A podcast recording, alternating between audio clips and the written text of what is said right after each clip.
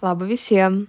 Galvodama apie šio mėnesio podcast'o temą, nors pastaruoju metu jau stengiuosi atsiriboti nuo to supratimo, įsitikinimo, kad nauji metai tai nauja aš, kad nuo sausio pirmos bus visiškai kitokia mano asmenybė, nes tiesiog tai nėra realistiška, toks mano lūkestis niekad nepasitvirtina, bet aš, kaip ir manau dauguma, kai artė nauji metai, sąmoningai ar nesąmoningai pradedu galvoti, kaip norėčiau pakeisti savo gyvenimą.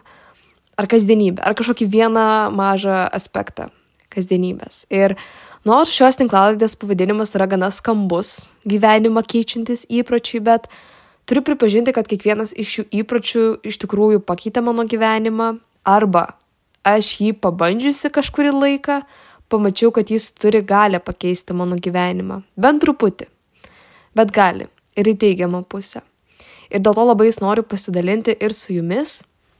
Kai kurie iš šių įpročių bus truputėlį abstraktus, labiau apie mąstyseną mūsų, kai kurie bus labai konkretus, kuriuos jūs galite daryti jau šiandien. Ir iš esmės šiaip rekomenduoju nelaukti naujų metų ir pradėti šios įpročius daryti kuo anksčiau, Nes vėl grįšiu prie to paties pasikartojimo, kad e, galbūt sausio pirmą yra daugiau motivacijos, bet jeigu tu pasitikėsi vien tą motivaciją, pradėti kažkokius gyvenimo būdų pokyčius, tai greičiausiai tai ilgai netruks. Tai dėl to rekomenduoju kažkokį įprotį, vieną, kuris jum atrodys paprasčiausias, labiausiai jum rezonuojantis, pradėti kuo anksčiau.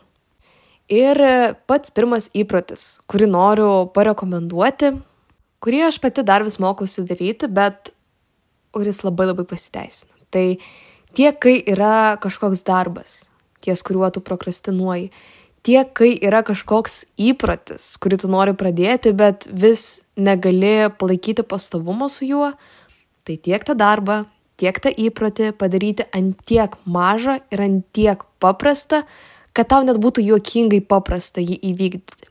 Pavyzdžiui, tu nori pradėti užsimti jogą.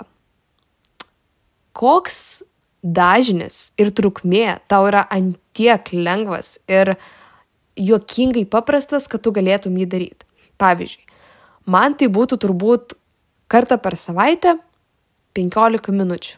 Nu, čia aš kai sakau garsiai, man atrodo, kad, nu, tikrai aš turėsiu tiek laiko. Čia net yra juokingas įprotis. Ir atrodo iš pradžių, kad jis net neturės jokios įtakos, nu, tipo, kartą per savaitę padaryti jogą 15 minučių. Bet čia ir yra geriausias momentas, kad visų pirma, šiaip turės įtakos tos 15 minučių jogos mano kūnui. Bent jau tą dieną, kai aš ją padarysiu, tikrai turės. Atpalaiduos kūną, mintis. Bet kita svarbesnė gal net dalis, kad man išsivystys įprotis, nes jis yra antiek lengvas, kad aš jį tikrai galėsiu palaikyti ir daryti kiekvieną savaitę. Ir jau tada, kai man čia bus kaip išsivalyti dantis vakare, antiek paprasta, tuomet aš jau galėsiu didinti ir trukmę, ir dažnį, pavyzdžiui, po to pradėti daryti du kartus per savaitę po 20 minučių. Ir tai galima pritaikyti turbūt bet kokiam įpročiui nori pradėti skaityti knygą, pradėk nuo vieno puslapio kas antrą dieną. Nu, irgi toks atrodo, nu, jokingai, jokingai mažai, jokingai paprasta, bet taip ir gali po to išsivystyti tuos ilgalaikius įpročius. Ir plus, dažniausiai, pavyzdžiui, kai aš savo pasižadu ten tą vieną knygos puslapį perskaityti per dieną, tai aš perskaičius tą vieną puslapį, aš po to perskaitau ir daugiau. Nes sunkiausias dalykas, kurį reikia padaryti, tai prisiversti iš tikrųjų tą veiksmą atlikti. Ir kai tu savo galvoj, pavyzdžiui, pasižadi savo ten 20 puslapių perskaityti, tai tada net nelabai ir norisi skaityti. Nu, 20 puslapių nežinau, čia kažkam gal bus labai mažai, bet, sakykime, 50 puslapių perskaityti. Tai vienu prisidimu, nu, atrodo, čia žiauriai daug ir net nenori pradėti, nes kam, nes tingi ir panašiai. O vieną puslapį perskaityti - easy. Jeigu nori mintis pradėti užsirašinėti, tai pradėk nuo vieno sakinio per dieną. Ir labai galimai, kai tą vieną sakinį parašysi, užsikabinsi ir parašysi daugiau. Bet pradžiai vienas sakinys per dieną. Ir tą patį galima pritaikyti darbams. Sakykime, tu nori parašyti knygą, pavyzdžiui. Tai skirk kiekvieną dieną parašyti po vieną sakinį tos knygos. Arba tau reikia atlikti universiteto ar mokyklos namų darbus. Pasižadėk savo skirti 15 minučių atlikti vieną užduotį iš tų, kurios uždavė. Ir pasižadėk gal turint intenciją, kad tu netliksi tobulai tos užduoties. Nes man atrodo, kad viena iš pagrindinių priežasčių, kodėl mes prokrastinuojam, ar su kažkokiais konkrečiais darbais tai dienai, ar iš esmės su įpročiais, kuriuos norim išvystyti, tai dėl to, kad mes turime per aukštus lūkesčius, tiek kaip gerai mes atliksime, tiek kiek daug mes atliksime.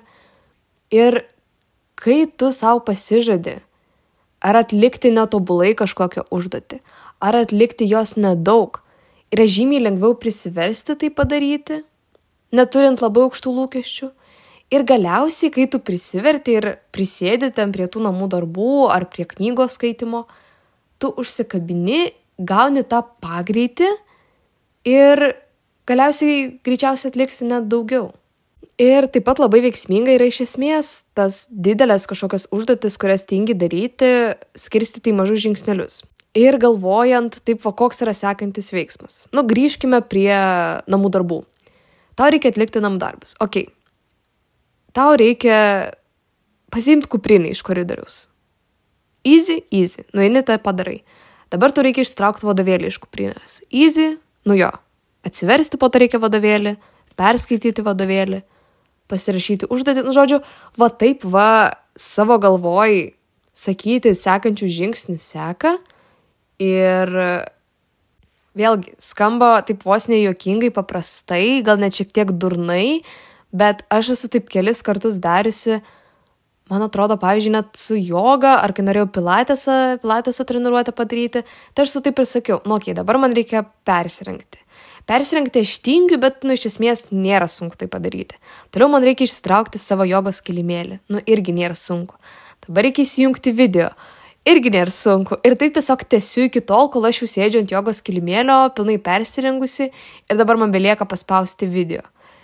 Ir vis tiek paspausti tą video kartais tingisi daryti, bet tai yra žymiai lengviau, negu tiesiog sėdint ant sofos ir įsivaizduojant, kaip aš dabar sportuosiu.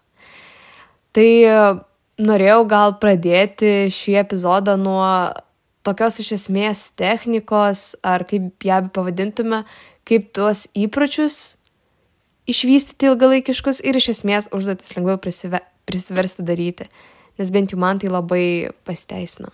Sekantis įprotis tai nebijoti ir integruoti daugiau į savo kasdienybę nuobodulio ir tylos. Ir visų pirma, ką aš iš vis turėjau omeny, sakydama nuobodulys ir tyla, kad tai neskabėtų per daug abstrakčiai, Tai visų pirma, gal uh, pradėsiu nuo tokių paprastų būtekiškų dalykų, ten, pavyzdžiui, kol verda makaronai, ar kol stovi kasoj, ar kol eini į tualetą, pradėkime nuo to, neimti telefoną.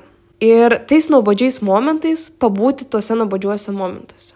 Ir šitą aš labai noriu pati išmokti, ir čia ko aš vis mokausi, tai kol verda makaronai, tiesiog pastovėti tas, kiek jie verda, 10 minučių nu, sakykim, 10 minučių. Kol stovi kasoje, tai irgi tiesiog pastovėti kasoje. Turime, kol darai kažkokį veiksmą, nu ten nebent, aišku, kažkokia skubi žinutė, bet aš kalbu apie tą gal tuščių laiko tarpų kabutėse, užkimšimas, kažkokia informacija. Nu tai ką turiu omeny, tai ten socialiniai tinklai, naujienų skaitimas ir panašiai. Kai eini, pavyzdžiui, pasivaikščioti ar važiuoji autobusu, tai nesiklausyti muzikos ar podcastų, um, ironiška tai sakyti podcast'o metu, bet turėti, pavyzdžiui, ten, nežinau, jeigu važiuoju autobusu į mokyklą ar į darbą ir iš mokyklos ar iš darbo, tai viena iš tų pavažiavimų kažko pasiklausyti, o kitą kelionę tiesiog tyloj pabūt. Ir dabar kodėl? Tai aš čia dalinsiuos grinai iš savo patirties, kažkiek iš mokslo, kiek teko skaityti, bet daugiau pasidalinti iš savo patirties, nes nors tai yra įprotis, kurį aš gal dar mažiausiai esu implementavus, bet kurio ir kurį labai noriu išmokti daryti dažniau ir pastoviai, bet kurio jau esu kabutėse paragavusi. Tai pavyzdžiui, mes su sesė neseniai darėme tokį kaip iššūkį savo, savaitę, man atrodo, nesiklausyti podcastų ir muzikos iš vis. Nes abi pastebėjome tiesiog, kad kai tik atsiranda laisva minutė, kai tik mes pabūname, susidūrėme su tyla ir su savo mintim, iškart kažką pasijungiam. Būtų tai muzika, podcastas. Podcastas, aišku, yra toksai tiesmukiškesnis, kad jis užima tavo galvą kažkokiam mintim. Muzika tai atrodo toks, nu tu gali ir klausytis muzikos, ir susidurti su savo mintim, bet ne vis tiek užkemša tave ir tave kažkiek entertainina. Ir taip pat aš turėjau kelionę vieną, kur man, kur, kuri truko gal trys savaitės. Ir po dviejų savaičių ir po pusantros savaitės išsikroviau ausinės ir aš pamečiau pakrovėją. Ir aš kažkaip vis pamiršdavau nusipirkti pakrovėją ir aš gal pusantros savaitės buvau be ausinių. Tai aš realiai per visus pasivaikščiojimus, o ten, kadangi plus dar keliavau, tai vaikščiau tikrai nemažai, buvau be ausinių ir iš pradžių buvo taip nekomfortiška. Nu, tiesiog atrodė, negaliu išsėdėti su savo mintim. Ar tiesiog buvo per nuobodu, nes tų minčių net nebuvo. Nu, tiesiog sėdi ir nėra ką veikti ir nėra apie ką galvoti. Ar, nu, ypač kai jau pasivaikščioti, nes kai sėdėjau autobusu, nu, tai ten dar galima paskrolinti, bet kai važiuoji, kai eini tiksliau kažkur, tai tada jau tiesiog būni su savo mintim. Bet po kažkiek laiko, gal po kokių penkių dienų, po savaitės, man netgi pradėjo patikti. Nes visų pirma, ta švara galvoj, kurią aš patyriau, gerai, nebuvo, nebuvo tokio didelio skirtumo, kad tenais aš jau kaip naujas žmogus, nepasiklausius muzikos ir podcastų po savaitės, bet tikrai pajutau didelį skirtumą ties, to, ties tuo tokiu aštriu mąstymu bent jau ką sako mokslas ir kas šiaip skamba logiškai iš tikrųjų, kuo daugiau mes tokio nuobodulio, tų tokių tuščių, kabutėse momentų mes patiriame, tuo mūsų smegenys yra kūrybiškesnės. Mes gauname per savo dieną, savaitę, gyvenimą daug labai informacijos.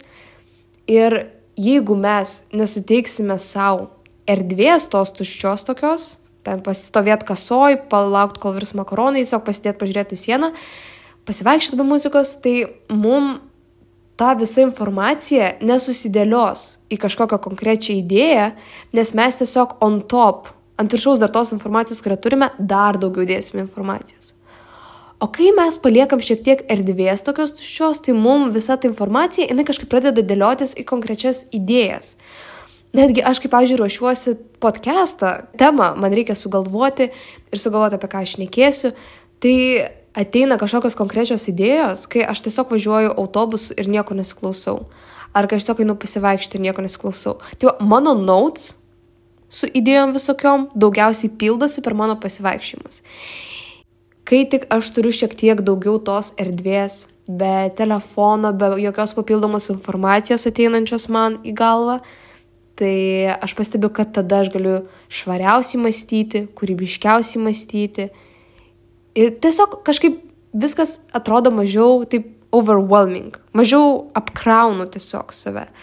Ir dar irgi ko kažkaip nematavau, bet ką paskaičiau internete, tai kad ir atmintis gerėja. Kas irgi, manau, skamba logiškai, nes tu tiesiog mažiau, mažiau užkrauni savo smegenis informaciją, kuri nebūtinai tau yra reikalinga. Tai jo, tas nuobodulio integravimas ir tiesiog suteikti savo erdvės yra dalykas, kaip ir sakiau, su kuriuo aš dar vis labiausiai dirbu. Ir man kažkaip sunku neužpildyti tų tuščių erdvių savo kasdienybėje, paskrolinant, pasiklausant kažko, nes, nežinau, vis atrodo, kad norisi, vis pirma, šiaip sunku išbūti su nuoboduliu. Ir tik po tam tikros ribos, po ilgo laiko, aš asmeniškai pradedu mėgautis tuo nuoboduliu, bet tam reikia laiko, tam reikia daug laiko. Kaip ir sakiau, aš pirmą savaitę tiesiog man buvo, man buvo žiauriai nekomfortiška tiesiog būti be ausinių, tai tik po kažkur savaitės aš pradėjau mėgautis tą tylą. Ir jinai nustojo būti tokia nekomfortiška. Bet dabar aš, pavyzdžiui, vėl jaučiu, kad aš pradedu dažniau, kol verda tie patys makaronai, skrolint. Bet tada, bet kai aš pradedu taip daryti, tai aš jaučiuosi labai prastai aš jaučiuosi tokia pastoviai ant spiglių, tokia negaliu paaiškintos būsenos, bet tokia pastoviai kažkur kažką lėkiu, net pati nesuprasdama kur. Ir va tas toks tylos, nuobodulio buvimas yra, man atrodo, vienas iš labai underrated dalykų, kuris labai teigiamai gali paveikti tiek tai, ant kiek mūsų smegenys yra apkrūti, tiek tai, kaip mes iš esmės jaučiamės emociškai. Ir dar vienas įprotis į smegenų apkrovimo temą tai viską užsirašinėti. Nu, aš asmeniškai realiai praktiškai viską užsirašau, tai aš užsirašau savo planus dienai, jeigu irgi labai, labai geras įprotis, tai papildomai prie šito, tai kai tu tik gauni kažkokį ar pakvietimą į renginį, kur tu dalyvausi, ar pakvietimą į gimtadienį, ar kažkokį projektą, ar kažkokį deadline. Iškart tai užsirašyk, ar nusistatyk reminderį, ar nusistatyk žadintuvą, kaip aš pavyzdžiui darau, ar užsirašyk į kalendorių. Nu tiesiog, whatever works for you, nes mes galim savai tikinėti, kad mes nepamiršim, bet mes pamiršim. Nu, nebūtinai, bet aš, pavyzdžiui, tikrai dažnai pamirštu. Aš negi prisimenu daugiau, kai aš užsirašau.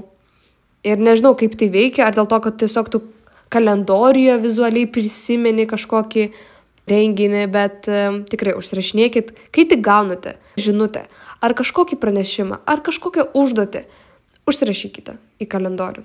Bet uh, su šiuo įpročiu labiau gal norėjau pasidalinti, kad uh, užsirašinėti viską, ką tu kaupi savo smegenyse.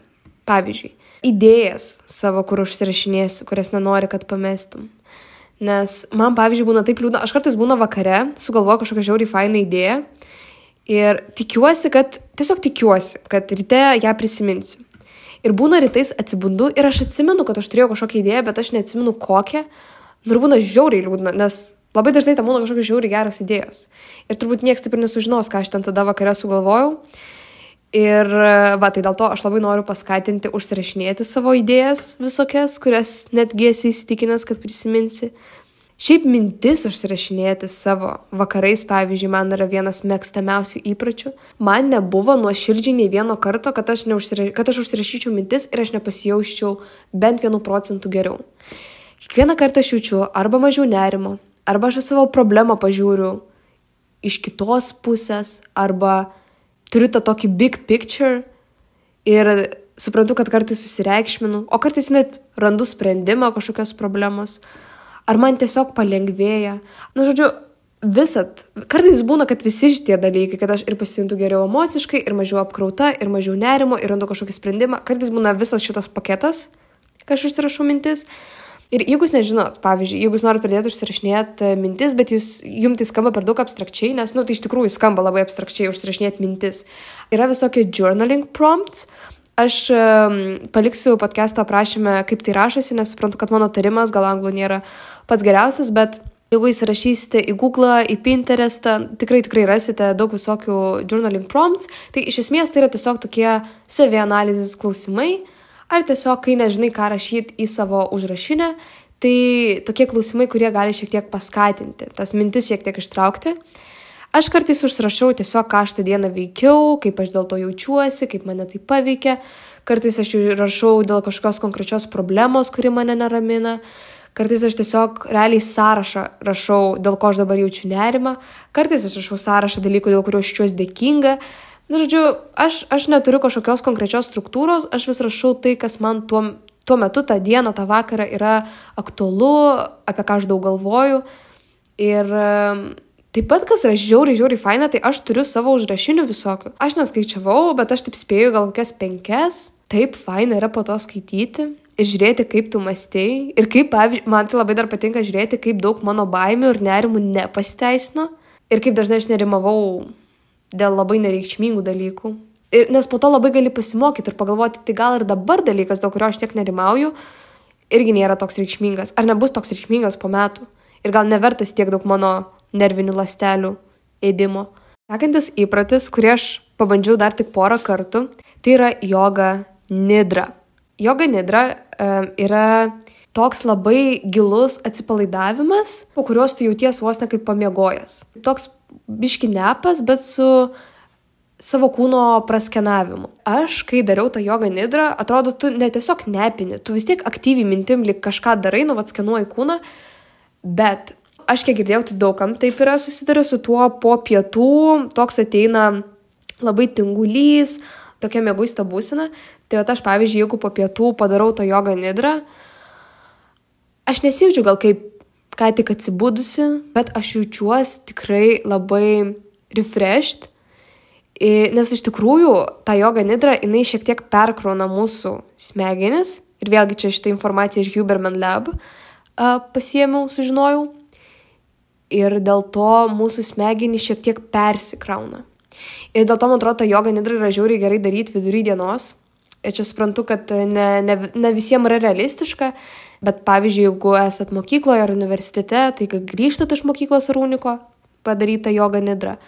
Ar jeigu dirbate tai po darbo, nu po darbo, aišku, dažniausiai žmonės grįžta penktą, šeštą, bet vis tiek, manau, geriau negu nieko, nes, nes labai dažnai mes esame pavargę ne tiek fiziškai po ten darbo, mokyklos ar studijų, kiek psichologiškai. Ir va ta joga nidra bent jau man žiauriai padeda pailsėti ir atsistatyti psichologiškai.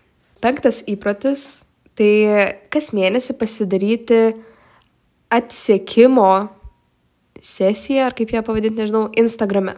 Ar tik tokia YouTube'ai, tiesiog bet kokiam savo socialiniam tinkle, peržiūrėti savo sekamų žmonių sąrašą, kuriuos jūs sekate, ir atsekti tuos žmonės, kurie arba jūs kažkaip trigerina. Pavyzdžiui, mane daugiausiai trigerina su maistu, kas yra susiję. Dažniausiai ten, jeigu kažkoks žmogus pastebi, kad vis dalinasi, ar kaip jis mažai valgo, ar kaip jis kažkokiai dietoj, ar kaip jis ten sportuoja, kad sudegint kalorijas, viskas mane tai pradeda trigerint. Ir aš turiu labai sąmoningai savo pasakyti, kad Simona, mus tai trigerina, mus tai verčia vėl grįžti į mintis, kurios kažkada privedė prie valgymo sutrikimo Ir aš atsaku tą žmogų, netgi jeigu jis man patinka, suteikia naudingo turinio. Aš pagalvoju, nu gerai, yra, yra daug žmonių šiaip, kurie suteikia naudingo turinio, kurie mane kažkaip įkvepia ir ne visi mane trigerina. Tai aš tiesiog atseksiu tuos, kurie mane trigerina, nes, nu kam to reikia? Socialiniai tinklai, kad mes jau ganėtinai daug juose leidžiame laiko, tai taip, socialiniai tinklai nėra pati fainiausia erdvė, kurioje galima leisti savo laiką Bet jeigu pasakysiu tiesiog neskrolint, aš nežinau, kiek tai yra realistiška, aš pati skrolinu. Ir aš nemanau, kad skrolinimas iš esmės yra toks jau blogas dalykas. Kai per daug, kai ta informacija yra mus kažkaip kengsminga ar trigerinanti, tai jo socialiniai tinklai yra blogis tada tokiam kontekste, bet manau labai daug kas priklauso nuo to, ką mes sekame, kokį turinį vartojame. Ir mes negalim kontroliuoti, ką kiti žmonės kelia ir koks turinys mums ateina į feedą, bet mes galime kažkiek tai pareguliuoti. Ir vat vienas iš dalykų, kurį galime padaryti ir ką aš darau, gal ne kas mėnesį, bet stengiuosi tiesiog taip vis karts nuo karto prisižiūrėti savo sekamų žmonių sąrašą ir atsekti tuos, kurie mane arba va trigerina, kaip sakiau, arba tiesiog, aš nežinau, va kažkokios man neigiamos jiems emocijos iš kažkur kyla. Šiuo atveju aš net per daug iš tikrųjų nekvešionuoju kodėl man kyla jiems neigiamos emocijos, um, kartais nežinau, ar tai aš jiems pavydžiu dėl kažko, ar man tiesiog jų gyvenimas netrodo realistiškas, bet aš vis tiek save, pažiūrėjau, lyginuosi su jais, tai aš irgi atsaku. Ir kol kas dar nekartą nepasigailėjau, arba kartais aš sakau žmonės tiesiog, nes man atrodo, kad ten, pavyzdžiui, su kažkuo susipažinau prieš metus, ten kokiam hostelyje, ir, nu, mes jau su tuo žmogumi nebebendraujam, Bet aš tik jaučiu kažkokį poreikį jį sekti, nes, taip, ai, kažkada susipažinom, aš būnu draugiška. Bet e, vis tiek norėjau čia daugiau pasidalinti ne dėl draugų sėkimo, nesėkimo, o tiesiog dėl influencerių, kurie jūs kažkaip verčia apie save blogiau jaustis, lyginti su jais, ar trigerina jūs kažkaip, tai jūs turite teisę atfollowint. Šeštas įprotis kurį aš galiu pasakyti, kad tikrai implementavau šiais metais, dėl ko labai savimi didžiuojasi. Iš tikrųjų, tai pastovus vizitai pas daktarus ir kraujo tyrimai. Ir aš nežinau, kodėl prieš tai aš taip kažkaip į tai numodavau ranką. Nu, aš lankydavausi pas gydytojus, bet tai būdavo ganėtinai retai ir tik iš tokio poreikio. Bet turint omeny, kad mūsų sveikatos sistema yra nemokama, nu, ne, ne visi, aišku, dalykai, bet didelė dalis įvairių gydytojų yra nemokami, tai pasinaudoti tą progą ir vis prasičekinti savo organizmą. Ir, pavyzdžiui, su kraujo tyrimais, kas yra susiję, tai man atrodo, mes labai dažnai net nesusimastome ir mūsų, nu, kaip mes galvom, kad, nu, ko aš pastoviai nemotivuotas ar pastoviai liūdnas, tai bent jau aš nepamastau iškart, kad, oi, gal man vitamino D trūksta, ar gal man omega 3 trūksta, ar gal man ten dar kažko trūksta. Ne, aš iškart galvoju, kad čia yra kažkaip psichologiški faktoriai. Ir dažnai, aišku, tai būna psichologiški faktoriai, bet aš labai kažkaip išmokau šiais metais nenuvertinti fizinių organizmo trūkumų, vitaminų, mineralų ar kad hormonų kažkoks disbalansas, nes šitie dalykai turi žiauriai daug mums įtakos. Žiauriai daug. Pavyzdžiui, kokie omega 3, jie labai turi daug įtakos mūsų smegenų veiklai. O mūsų smegenų veikla, veikla savaime suprantama, turi labai daug įtakos ir kaip mes jaučiamės psichologiškai, ir kiek mes galime švariai mąstyti, susifokusuoti, kaip mes galime gerai. Ir iš esmės, um, man atrodo, čia toks dalykas, kurį mes tiesiog turime daryti, savo priminti, kad yra labai svarbu tiek vaikščioti pas gydytojus, tiek nenumoti ranką ant savo kažkokių fizinių problemų.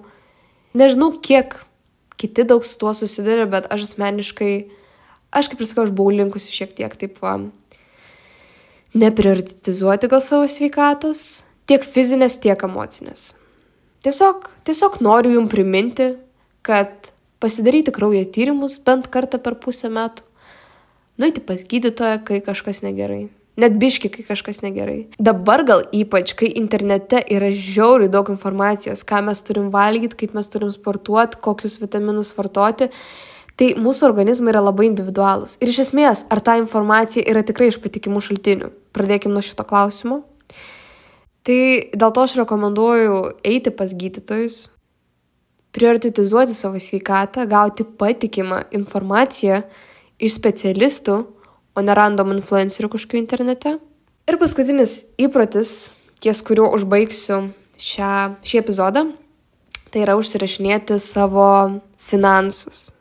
Ir aš kalbu apie labai paprastą įprotį tiesiog užsirašyti, kiek tu ir kam išleidi. Ir aišku, dabar dažnai galima per banko programėlės tiesiog matyti tą sumarizaciją, kiek tu kam išleidai. Bet aš kadangi turiu ir kelias sąskaitas, ir kadangi aš kartais ir grinais atsiskaitau, tai vis tiek kažkaip esu linkusi į savo ten Excelį viską susirašyti. Bet tai, tai gali būti ne Excelis, tai gali būti, nors tiesa, mes Sebo Instagram'e dalinamės biudžeto lentelę nemokamai, tai jeigu nenorit savo Excelių kurti, tai galite tiesiog mano šablonų tuo pasinaudoti. Tai gali būti Excelis, tai gali būti tiesiog į nautsus viską rašyti ant lapo, tiesiog whatever works for you. Nes aš kai tik pradėjau užsirašinėti, man pradžio buvo labai, ne... ir dabar šiaip kartais būna nekomfortiška pasižiūrėti, net nebūtinai tiek, kiek aš išleidžiu, bet gal kam aš išleidžiu. Um, pavyzdžiui, būna, pamatau, kad aš šiaip žinau, kad aš kavai daug išleidžiu, bet aš kartais tai pažiūriu, Aš galvoju, ar aš tiek daug išleidžiu? Aš negalvoju, kad aš tiek daug išleidžiu. Atrodo, ten, ai, vieną kitą rūbą humanai nusipirkau, o po to žiūriu, kad tokia solid suma gavosi visai ten tų mano antrų rankų pardžių vizito. Ir irgi susimastau, kad, nu taip, ten nebrangu, bet, nu vis tiek čia yra rūbas ir jis vis tiek užima spintoj vietos. Būna, būna visą taip nefaina, gal žiūrėti į tas tokias išlaidas, kurių nenorėtum, gal kad jos iš tikrųjų tai būtų ir nenorėtum savo to pripažinti, bet uh, Bet tada aš pagalvojau, kad ar aš užsirašau ar ne, nu vis tiek faktas tas, kad aš išleidau tos pinigus, tai gal geriau man užsirašyti, tai pastebėti, suprasti ir pasidaryti iš to išvadas, kad ar tikrai tie išleisti pinigai buvo to verti ir ar aš noriu toliau žiūrint į ateitį tam leisti pinigus. Tai būtų tiek, tokie būtų įpračiai. Kažkaip nelabai norėjau dalintis tokiais, kaip ten kelti šeštą ryto ar bėgioti, nes tokie, manau, yra ganėtinai individualūs ir jo, kelimas į šeštą ryto kažkam tikrai gali pakeisti gyvenimą. Bet aš, pavyzdžiui, nors tu ką, nu bent jau dabar su savo organizmu aš negaliu prisiversti šeštą ryto ir jeigu aš atsikelčiau šeštą ryto, mano visa likusi diena, tiksliau, ne, mano pirmos porą dienos valandų būtų labai fainos, nes aš produktyviai padirbėčiau, bet likusią dieną aš tiesiog mirčiau, kaip aš noriu miegoti. Tai man pavyzdžiui, nu jo, kelimas į šeštą ryto man pakeistų gyvenimą, bet klausimas ar gerą pusę. Netgi jeigu jis man pakeistų gyvenimą, jis nebūtinai veiks kitam, kurio biologinis ritmas yra visiškai kitoks negu mano. Tai šio epizodo būtų tiek. Ačiū labai labai visiems, kas klausotės, ypač kad išklausėte iki pat galo. Ir jeigu šis epizodas jums patiko, tai labai bus malonu, kad galėsite jį vertinti Spotify. Taip pat, jeigu jau pasidalinsite, jeigu jis jums patiko, ar kažkokia konkreti mintis patiko, ar galbūt norite pasidalinti, kokį būtent įprotį iš šitų pasiimsite į kasdienybę, ar kelis. Ir susimatysime kitose epizoduose.